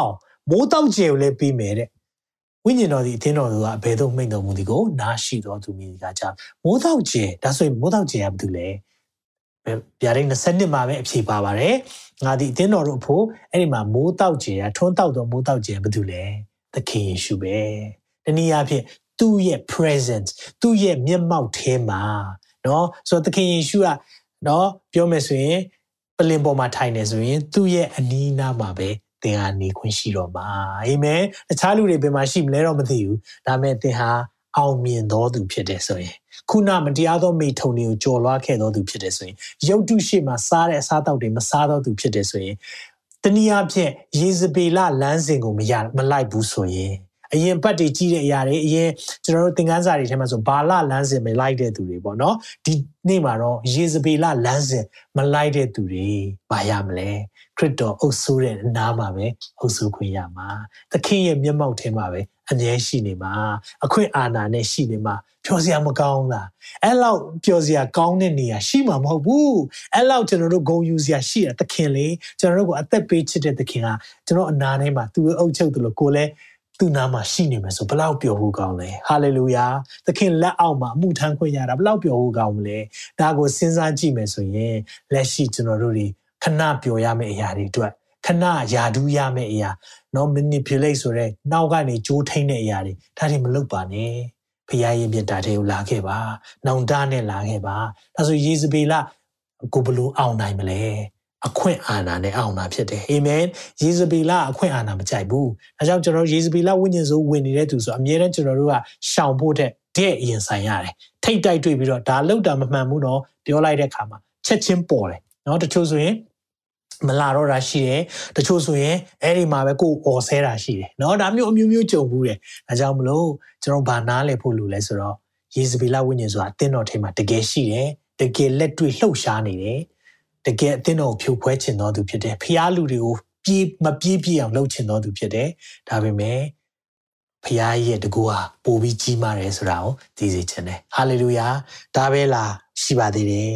ဘုရားကကျွန်တော်တို့ကိုအခွင့်အာဏာပေးတဲ့အခါမှာကျွန်တော်ဒီမှာသင်ခန်းစာရတယ်เนาะမိုးတောက်ခြင်းထွန်းတောက်တဲ့မိုးတောက်ခြင်းလေးရမယ်ဟုတ်ပြီဒါဆိုသင်ခန်းစာပါရလေဒီအသင်းတော်ကြီးထဲကနေဒီနေ့လေ့လာတဲ့အခါမှာအသင်းတော်ထဲကနေ ဘာသင်ခန်းစာရလဲတော်ရီးရအသင်းတော်တွေဘာရလဲဆိုတော့မတရားသောမိထုံကိုသခင်မနစ်သက်ဘူးအဲ့ဒါကိုသင်ခန်းစာရတယ်မတရားသောမိထုံဆိုတာဘာလဲတချို့ပြန်မေးတယ်လက်မထပ်ပဲအတူနေတာမတရားသောမိထုံဖြစ်တယ်လက်ထပ်ထားပြီးတော့ကိုယ်ဇနီးမယားကိုခင်မွန်းတဲ့မဟုတ်တဲ့သူနဲ့ဖောက်ပြန်တာမတရားသောမိထုံဖြစ်တယ်။ပြီးရင်လက်ထပ်ထားတဲ့ကိုယ်ဇနီးမယားနဲ့ပဲချစ်ကြိုက်ပေမဲ့ဒီညဉ့်ညမ်းတဲ့အရာတွေကြည်တာ ညဉ့်ညမ်းစွာကျင့်တဲ့အရာတွေဒါတွေကမတရားသောမိထုံဖြစ်တယ်။ဒီအရာတွေဘုရားအလိုမရှိဘူး။ဒါတွေကိုကျွန်တော်တို့ကိုရှောင်လွှားရှောင်လွှဲစေခြင်းနဲ့ဘုရားကနေ။ဒါကြောင့်မလို့နှုတ်ပတ်တော်ထဲမှာဗာပြောထားလေကြည့်တဲ့အခါမှာမတရားသောမိထုံတိုင်းမိဝဲသောခြင်းအမျိုးမျိုးသောကိလေသာညစ်ညူးခြင်းလောဘလွန်ကျူးခြင်းအမှုတို့ကိုတန့်ရှင်းသူတို့သည်ရှောင်သင့်သည့်အတိုင်းဘာနဲ့တောင်မပြောနဲ့လေစကားဖြစ်များမဆက်ဆံနဲ့စကားနဲ့တောင်ထဲ့မပြောပါနဲ့ ဒါပဲလားနှုတ်ပတ်တော်မှာကြည့်တဲ့အခါမှာအများကြီးပါเนาะကျွန်တော်ဒီနေ့ဒါလေးကိုနည်းနည်းပြောပြချင်တယ်တစ်ကော6 73ရဲ့တစ်ကော6 78မှာကျွန်တော်နှစ်ခုကိုဒီပြိုင်နဲ့ထဲပြောပါပြောပြောသွားမယ်အစားတောက်တို့ဒီ1ဖို့1ဒီလည်းအစားတောက်တို့ဖို့ဖြစ်ဒီမှန်စီတော့သို့တော်လည်းဘုရားသခင်သည်ထိုနှစ်ပါးကိုဖျက်ဆီးတော်မူလိမ့်မည်။ဘာကိုပြောချင်တာလဲဆိုတော့အဲ့မှာဆက်ပြောထားတယ်။ကိုခန္ဓာသည်မတရားသောမေထုံဖို့ဖြစ်သည်မဟုတ်။ ကိုခန္ဓာကျွန်တော်တို့ကိုခန္ဓာမတရားတဲ့မေထုံအတွက်မဟုတ်။တချို့ကပြောတယ်ကျွန်တော်တို့ဝိညာဉ်လွတ်မြောက်ပြီးပြီလေ။ဆရာရဲ့ခန္ဓာကိုယ်အတွက်ကတော့ဒါညီမုံသွားမှာပဲလေ။ခရစ်တော်ပြန်လာမှပဲရှင်ပြန်ထမြောက်မှာဒါကြောင့်မလို့အသွေးသားဆန္ဒဆိုတာရှိရှိတာပေါ့အသွေးသားဆန္ဒဆိုတာဒါမဲ့ဒီမှာမပြောလဲကိုခန္ဓာဒီမတရားသောမေထုံအဖို့မဟုတ်ဘသူအတွက်ဖြစ်တယ်လို့ပြောတယ်သခင်ဖရာအဖို့ဖြစ်၏ဒါကြောင့်ပြောကြည့်ပါเนาะဒီနေ့မတရားသောမေထုံလို့ပြောတဲ့အခါမှာဖရာကလေ နောက်တစ်ခုကျွန်တော်တို့သိစေချင်တာလောကနဲ့မိသားရဖွဲ့တာအဲ့ဒါကိုလည်းပြောတာလောကနဲ့မိသားရဖွဲ့တယ်ဆိုတာလောကီသားအသက်ရှင်တဲ့ကဲ့သို့ပဲအသက်ရှင်တာဘာမှခွဲခြားလို့မရအောင်လောကီသားနဲ့ဒါပေမဲ့ယုံကြည်လားဆိုတော့ယုံကြည်သူလို့ပြောတယ်ယုံတာမှအကုန်ယုံတယ်ဟဟလားကျွန်တော်တို့တခါလေ Facebook မှာသူများဂျင်းထည့်လိုက်တဲ့ဟာလေးယုံတယ်နော်ဘာပြောပြောယုံတယ်အဲ့လိုမျိုးပေါ့နော်ယုံကြည်သူတွေဆိုယုံနေဆိုတာအဲ့လိုမျိုးနည်းနည်းတွေးခေါ်မစင်စားကြည့်ပဲအကုန်ယုံတာမျိုးရှိတတ်တယ် ဒါမျိုးတွေရှိတဲ့အခါမှာဘာတွေ့ရလဲနော်ဒီနေ့ဖခင်ကအဲ့ဒီလူတွေကိုဒီမှာကျွန်တော်တို့ကိုဆုံးမထားတယ်ဖခင်သခင်သည်လည်းကိုယ်ခန္ဓာဖို့ဖြစ်တယ်။ဒါကြောင့်ဆက်ရှင်မှာမတရားသောမိထုံကိုကျင်ဆောင်ကြလော။မတရားသောမိထုံဖះမကြိုက်ဘူးနော်။လူပြုတ်တတ်သောအခြားဒုစရိုက်ရှိသမျှတို့ကိုကိုပြစ်နိုင်ရှိတယ်။ပြောချင်တာတချို့အပြစ်တွေကြတော့တခြားလူကိုတခြားအပြစ်မှာကိုခန္ဓာရဲ့အပြစ်မှာဖြစ်တာတဲ့။ဒါပေမဲ့မတရားသောမိထုံကိုပြုတော်သူက မိမိကိုယ်ကိုပြစ်မှာတယ်။အဲ့အဲ့ဒါတော်တော်ဆိုးတယ်နော်သူများကိုပြစ်မာတဲ့အရာသူများကိုတောင်းပန်လို့ရမိမိကိုယ်ကိုပြစ်မာတဲ့အရာကြတော့ဖះရှိမှာပဲတောင်းပန်လို့ရတယ်ကိုတော့ကျွန်မလုံမိသွားတယ်ကျွန်တော်လုံမိသွားတယ်ဖះအမြဲခွင့်လွတ်တယ်ခွန်အားလေးပေးတော်ဖះဖြစ်တယ်နော်ဒီအရာတွေမလွန်မြောက်နိုင်ခဲ့တဲ့နော်လူငယ်တွေအများကြီးနော်ဖះရဲ့နှုတ်ပတ်တော်အဖြစ်လွတ်မြောက်တဲ့ခါမှာတက်တည်ပြန်လာခံတဲ့လူအများကြီးရှိတယ်အရင်တော့ဒါတွေမကြော်လွန်နိုင်ဘူးလို့ထင်ထားတာဆရာကြီးဘလို့ဖြစ်ပြီးတော့ ပျောက်သွားလည်းမသိဘူးတက်တည်ပြန်ခံကြတယ်ဘာကြောင့်လဲဂျေဇုတော်မဆာတယ်ဂျေဇုတော်အထဲကနေလေအဲ့ဒီအရာတွေကိုအောင်မြင်နိုင်အောင်လို့မဆာပေးတဲ့တကူလည်းဖြစ်တယ်ဟာလေလုယာအဲကြောင့်မလို့ကျမ်းစာထဲမှာပြောတယ်ငါဂျေဇုသည်သင်ဖို့လောက်ပေ my grace is sufficient အဲ့ဒီမှာထပ်ပြောတယ်ဘာပြောလဲဆိုဂျေဇုရဲ့အတိတ်ပဲအမှပေါ်တယ်ငါအားနေခြင်းအရာမှာငါရဲ့တကူတဲ့အဲကြောင့်ကိုယ့်ရဲ့အားနေချက်ရှိတဲ့အရာမတရားသောမိထုံမှာအားနေလားဖခင်ရဲ့တကူတောင်းခံကိုရော ဒီအရာကိုကျွန်တော်ကြော်လွားခြင်းနဲ့ကျမကြော်လွားခြင်းနဲ့ခွန်အားပေးပါဆရာဒေးဗစ်ကင်ပြောတဲ့ဂျေဇုတော်အထဲကနေအလုံးလုံးတယ်ဆိုတာဘာလဲဆိုတာလက်တွေ့မြင်ချင်ပါတယ်ယုံကြည်ပါတယ်မကြခင်မှာသင်ရဲ့သက်သေခံချက်ကြားရမယ်လို့ပြောလင်းနေအာမင်ဆက်ပြီးတော့ကျွန်တော်ကြည့်ရအောင်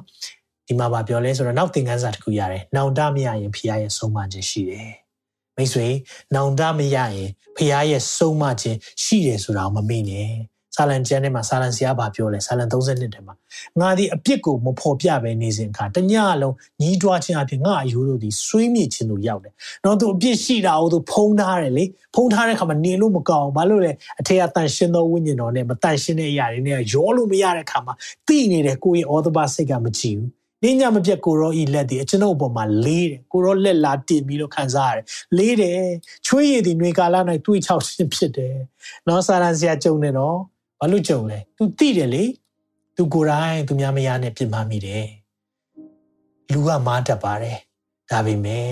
ဒါဝိရဲ့နှလုံးသားကပါလေသိလားဒါဝိမင်းကြီးကဘုရားရှိမှပြန်လာပြီးတော့လေဘုရားနဲ့ပြန်ပြီးတော့ကိုရောကျွန်တော်မှားရရတော့ခွလွတ်ပါအဲ့ဒီတောင်းပန်တဲ့အရာနော်ဆာလတ်51ကိုဖတ်ကြည့်ရင်ဖျားဖျားအပေါ်မှာ तू နော်ဘီသရှင်မနဲ့မှားပြီးတော့ဘုရားပေါ်မှာလာပြီးတောင်းပန်ဝင်ချတဲ့အရာအားလုံးကိုစာလ51ထဲမှာကျွန်တော်ဒါတော့မပြောတော့ဘူးเนาะအဲ့မှာကြည့်တဲ့အခါမှာနော်မတွေ့ရလဲနောက်နှုတ်ဘတ်တော်တစ်ခုကြည့်ရအောင်ဘာကြောင့်ကျွန်တော်ဒါတွေပြောနေလဲတစ်ကော7131မှာငါတို့ဒီကိုကိုကိုစစ်ကြောစီရင်လဲစစ်ကြောစီရင်တော်မူခြင်းနဲ့ကင်းလွတ်မယ်ဒီနေ့ဒီလိုပြောတဲ့ဟာတင့်ကိုကျွန်တော်စီရင်နေတာလုံးဝမဟုတ်ဘူးเนาะတင့်ကိုနှုတ်ကပတ်တော်နဲ့အလင်းပြတာ ဒီအလင်းပြတဲ့အခါမှာတင့်ရဲ့မှောင်နေတဲ့အပိုင်းကိုသွားပြီးထိုးတဲ့အခါမှာနော်ကျွန်တော်အိတ်နေတဲ့အချိန်မှာအိတ်ပျော်နေတဲ့အချိန်မှာမီးဖွင့်နေလေမျက်လုံးအရန်ဆူတဲ့အခါမှာနော်ကျင်းသွားတယ်နော်လုံးဝမဖွင့်နိုင်စိတ်လဲဆိုးခြင်းတယ်အဲ့တိုင်းပဲအခါလေးကျွန်တော်နှုတ်ခွက်တော့အလင်းရောက်လာတဲ့အခါမှာခံရတော့နည်းနည်းချက်ချင်းဆိုရင်ဖြစ်တယ်ဒါမဲ့နေတန်ရှင်သောဝိညာဉ်တော်ညင်သားတယ်ကျွန်တော်တို့ကင်တွယ်တဲ့အခါမှာလည်းအချိန်ပေးတယ်အဲ့ဒီအချိန်မှာကိုကိုကိုစစ်ကြောတဲ့အခါမှာအော်ကျွန်တော်ဒါလိုအပ်လားကျွန်တော် တရားဟောဆရာဖြစ်တယ်ဓမ္မဆရာဖြစ်တယ်ဒါပေမဲ့မှားတတ်လားမှားတတ်တယ်မှားရင်ဘာလုပ်ရလဲဝင်ချတောင်းပန်ရတယ်ဘုရားရှိလာပြီးတော့ကိုရောတောင်းပန်ရတယ်ကိုဇနီးတဲ့ပုံမှာမှားရင်ပြောမိတာရှိရင်တောင်းပန်ရတယ်နော်ဒါကဘုရားနီးရမှာဖြစ်တယ်နော်ဒါကြောင့်မလို့အဲ့လိုမတောင်းပန်မဲနေတဲ့အခါမှာငါအယိုးတွေဆွေးမြေ့လို့ခံတယ်အဲ့ဒါကြောင့်ချီနှောင်ပြီးတော့ညအိတ်တော့အိတ်မပြောဟုတ်တယ်မလားချီနှောင်ပြီးတော့ကျွန်တော်တို့တွေသူများကိုအယမ်းချီနှောင်ပြီးနေတဲ့အခါမှာအာဖခင်ရဲ့လက်တော်တင်ထားတာလေ အာစာတန်လာတိုက်ခိုက်တယ်ထင်တယ်မဟုတ်ဘူးတကယ်တော့ဖခင်လက်တော်ဖြစ်နေတတ်တယ်အဲကြောင့်ဖခင်လက်တော်တွေးခြင်းနဲ့ပြောရင်အဲ့ဒီလက်တော်တော့မတွေးတွေးပြရစီနဲ့လို့ပဲပြောရမယ်ဘာကြောင့်လဲเนาะဒီနေ့ဆာလန်ဆရာလိုပဲကျွန်တော်တို့တွေဖခင်ရှိမှတိုးဝင်ပြီးတော့ဖခင်ရဲ့ခွင့်လွှတ်ခြင်းကိုတောင်းခံရဲသော တတတ်တည်ရှိဖို့လို့ဒါမှသာရဲရင်တော်သူဖြစ်တယ်အာမင်တကယ်တော့လေမတောင်းပန်ရဲဘူးဆိုတာတရေဘောကြောင်တာပြန်ပြောမယ်နော်မတောင်းပန်ရဲဘူးဖះရှိမှတောင်းပန်ဝင်ချခြင်းနဲ့မလာဘူးဆိုတကယ်တော့တတ်တည်ရှိတာမဟုတ်တရေဘောကြောင်တာကျန်းစာအမျိုးမျိုးနဲ့ငါတို့ဒါတွေကတောင်းပန်စရာမလိုဘူးပြောရင်ပြောလိုက်မယ်ငါတို့အပြစ်တွေကိုရှေ့ဖျားကအနောက်ဖျားကနေအမျိုးမျိုးရှိတယ်ကျန်းစာဟုတ်တယ်နော်ဒါပေမဲ့ကျန်းစာထဲမှာမတရားသောမိထုံးမကြိုက်ပါဘူးလို့ပြောတာလည်းရှိပါတယ်။ဒါကြောင့်ကျွန်တော်နှုတ်ပတ်တော်ထဲမှာပြောတဲ့အရာကအတီးဖြစ်တယ်။ ကဲဒါလေးဖတ်ပြီးတော့ကျွန်တော်တို့နော်နှစ်ခုလောက်ပဲကျန်တယ်။အဒါနောက်ဆုံးကျန်ပိုက်ဖြစ်နေမယ်။ဟေပြဩဝါဒစာစနစ်9ကနေ17မှာပါပြောလဲ။ထိုမှတပါငါသာသာရဖျားဆုံးမတော်မူခြင်းကိုမမှတ်ပဲမနေနဲ့။ဖျားကျွန်တော်တို့ကိုဆုံးမတတ်တယ်။ဘာကြောင့်လဲ။ဆက်ပြောထားတယ်။သင်္ကေဖြစ်ကိုစစ်ဆေးတော်မူသောအခါစိတ်မပြတ်နဲ့။သာရဖျားသည် ချစ်တော်မူသောသူကိုဆုံးမတော်မူတတ်တယ်ဟာလေလုယာချစ်တော်သူကိုဖခင်ဆုံးမတယ်လို့ comment ရေးပေးပါအောင်ချစ်တော်သူကိုဖခင်ဆုံးမတယ်တင့်ကိုဖခင်ဆုံးမတယ်ဆိုရင်ဒါမုံလို့လုံးဝမဟုတ်ဘူးဖခင်ချစ်လို့ကျွန်တော်ကိုဖခင်ဆုံးမလားဆုံးမတယ်ဆုံးမတဲ့အချိန်ချင်းအများကြီးရှိတယ်ဖခင်ဆုံးမတိုင်းအယံကိုအခုဆိုရင်နားလည်လာတယ်ကိုတော့ကျွန်တော်ကိုတိတ်ချစ်တာပဲတိတ်ချစ်တော့ချက်ချင်းတွန့်တင်တာအရင်တော့ကတော့နည်းနည်းနောင်တရဖို့အချိန်ပေးတယ်အဲဆိုကိုကနည်းနည်းအချိန်ဆွဲတဲ့အခါမှာမတိုးတက်တော့ ခုချိန်မှာဆိုချက်ချင်းဖြစ်ဖះတိတ်သီးမခံတော့သလိုပဲမဟုတ်ဘူးဖះချက်ချင်းဆုံးမတဲ့အခါမှာကြိုးကိုကချက်ချင်းပြင်တဲ့အခါမှာဘာဖြစ်လဲဆိုတော့ဖះမြတ်တာကိုပူခံစားရတယ်ဟာလေလုယာလက်ခံတော်မူသမျှသောသားတို့ကိုဒဏ်ခတ်တော်မူတတ်၏ဟုတငယ်တို့သည်ဆိုတဲ့ကဲ့သို့တင်တို့ကိုပြောဆိုသောဩဝါဒစကားကိုမေ့လျော့ကြသလောမမေ့ပါနဲ့ဒီနေ့ဆုံးမတဲ့အရာတွေတင်တို့သည်ဆုံးမတော်မူခြင်းကိုခံလင်သားတို့ကိုပြုတဲ့ကဲ့သို့ဖျားသခင်သည် သင်တို့ကိုပြုတော်မူ၏အကြောင်းမူကားအဘဆုံးမသောသားသစုံတယောက်အဘအဘမဆုံးမသောသား sorry နော်ကျွန်တော်ဖတ်တော်ရမှာတော့အကြောင်းမူကားအဘမဆုံးမသောသားသစုံတယောက်ရှိလားမဆုံးမတဲ့သူရှိလားချစ်တဲ့လူဆိုဆုံးမတယ်ဒါကြောင့်သားပေါင်းတို့သည်ခံတတ်သောဆုံးမခြင်းကိုသင်တို့သည်မခံမဲနေလေသားရင်မဟုတ်မင်းဦးမင်းလွင်ရသောသားဖြစ်တယ်တကယ်သားအရင်ဆိုရင်တော့ဘုရားကကျွန်တော်တို့ကိုဆုံးမတယ်ဆိုတာကိုသိစေခြင်းတယ် အာမင်ဒီမှာဆက်ကြည့်တဲ့အခါမှာတနည်းကကိုကာယနဲ့ဆက်ဆိုင်သောအဘတို့ဤလက်ဖြင့်ငါတို့သည်ဆုံးမခြင်းကိုခံရသောအခါသူတို့ကိုယိုသေးကြ၏ဟောအဖေမေဆုံးမပြီဆိုပိုကြောက်တယ်လေပိုယိုသေးတယ်ဟုတ်တယ်မလားထိုနည်း၎င်းပဲဖះကိုကိုဆုံးမပြီဆိုရင်လေပိုကြောက်တယ်ပိုယိုသေးတယ်နော်စိတ်ထိုမြတ်မကစိတ်ဝိညာဉ်တို့ဤအဘအလိုတို့လိုက်၍အသက်ချမ်းသာရကြသည်မဟုတ်လော။ချောင်းမူကထိုအဘတို့သည်မိမိအလိုတို့လိုက်၍တခဏသာဆုံးမပေးတတ်ကြ၏ ကိုတော်မူကားမိမိတန့်ရှင်းခြင်းပါရမီတော်ကိုငါတို့သည်ဆက်ဆံစေခြင်းကငါတို့အကျိုးကိုထောက်၍သာဆုံးမပေးတော်မူ၏ဟာလေလုယာတိတ်ကောင်းတဲ့နှုတ်ပတ်တော်ဖြစ်တယ်နော်။ဘာကြောင့်လဲလူလူလူအဖေတွေပေါ့နော်ဖခင်တွေဆိုရင်ခဏပဲကျွန်တော်တို့ဆုံးမနိုင်တယ်တဲ့။ဒါပေမဲ့ဖခင်ကြတော့ကျွန်တော်တို့ကိုဆုံးမတာကြတော့မိမိရဲ့တန့်ရှင်းခြင်းပါရမီတော်ဖခင်က holy ဖြစ်တယ်။ဒါကြောင့် you must be holy because I am holy ဖခင်ဟာတန်ရှင်းခြင်းရှိတယ်လို့ကျွန်တော်တို့ကလည်းတန်ရှင်းခြင်းထဲမှာ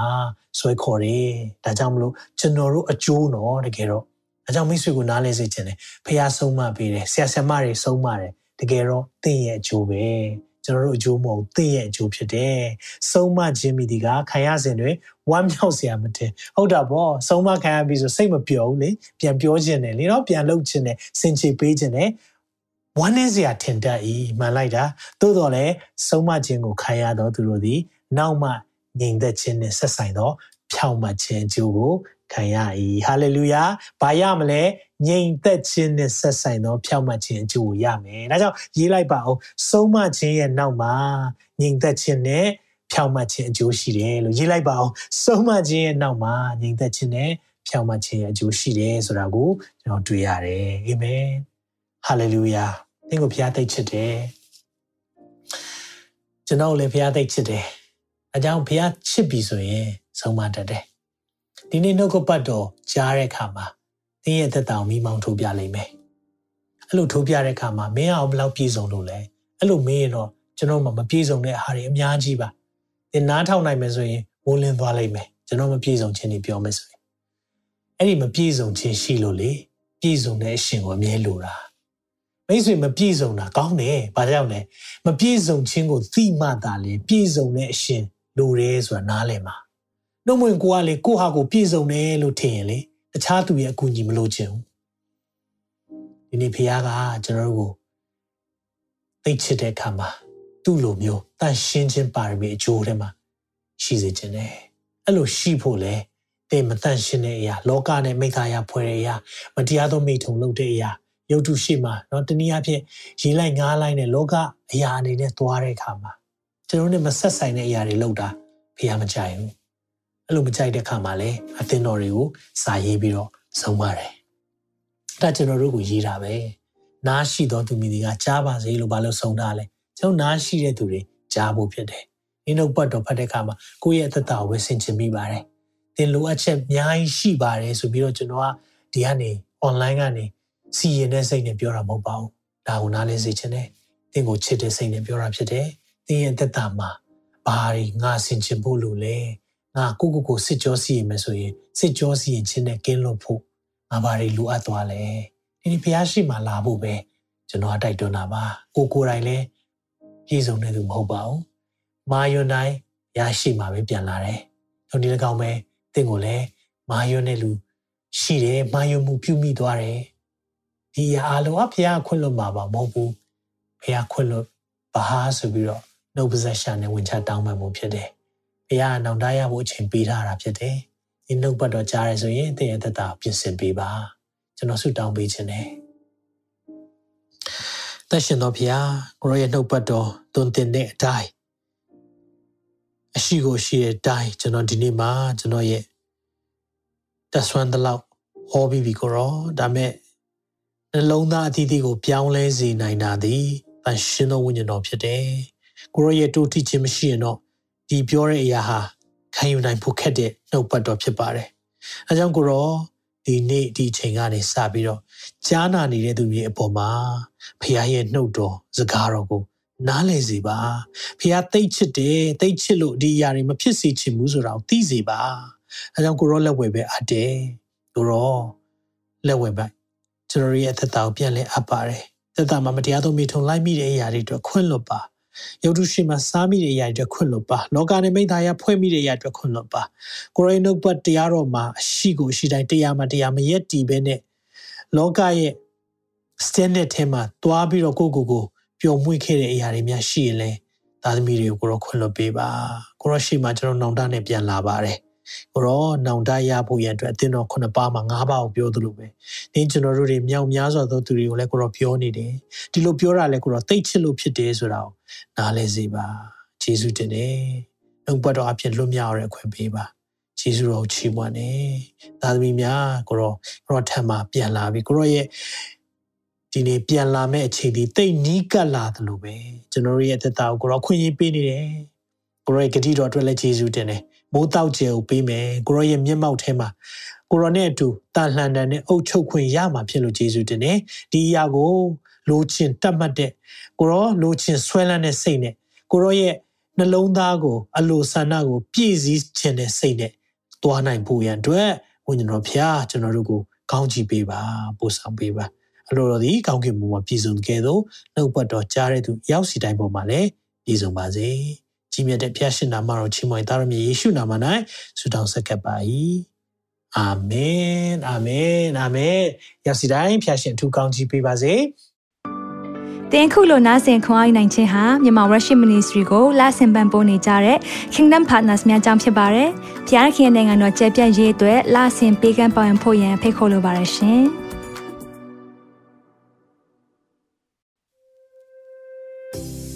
ခုကြားနာခဲ့ရတဲ့နှုတ်ပတ်တော်အဖြစ်ခွန်အားရရှိမဲ့လို့ယုံကြည်မျှော်လင့်ပါတယ်။ခွန်အားရဆိုလို့ရှိရင်ဒီတစ်ပတ်နဲ့ပြန်လည်ဝေမျှပေးဖို့ရန်တောင်းဆိုပါရစေ။မြန်မာ Worship Ministry ရဲ့ website myanmarworship.com ကိုလည်းလာရောက်လေ့လာဖို့ရန်အတွက်ဖိတ်ခေါ်ချင်ပါတယ်။တချိန်ထဲမှာမြန်မာ Worship Ministry ရဲ့ social media platform များဖြစ်တဲ့မြန်မာ Worship YouTube Channel, မြန်မာ Worship Facebook Page နဲ့မြန်မာ Worship Instagram များကိုလည်းလာရောက်လေ့လာဖို့ရန်အတွက်ဖိတ်ခေါ်ချင်ပါတယ်။နောက်တစ်ချိန်မှာပြန်လည်ဆုံတွေ့ကြပါစို့။ဖျားရှင်ကောင်းကြီးပေးပါစေ။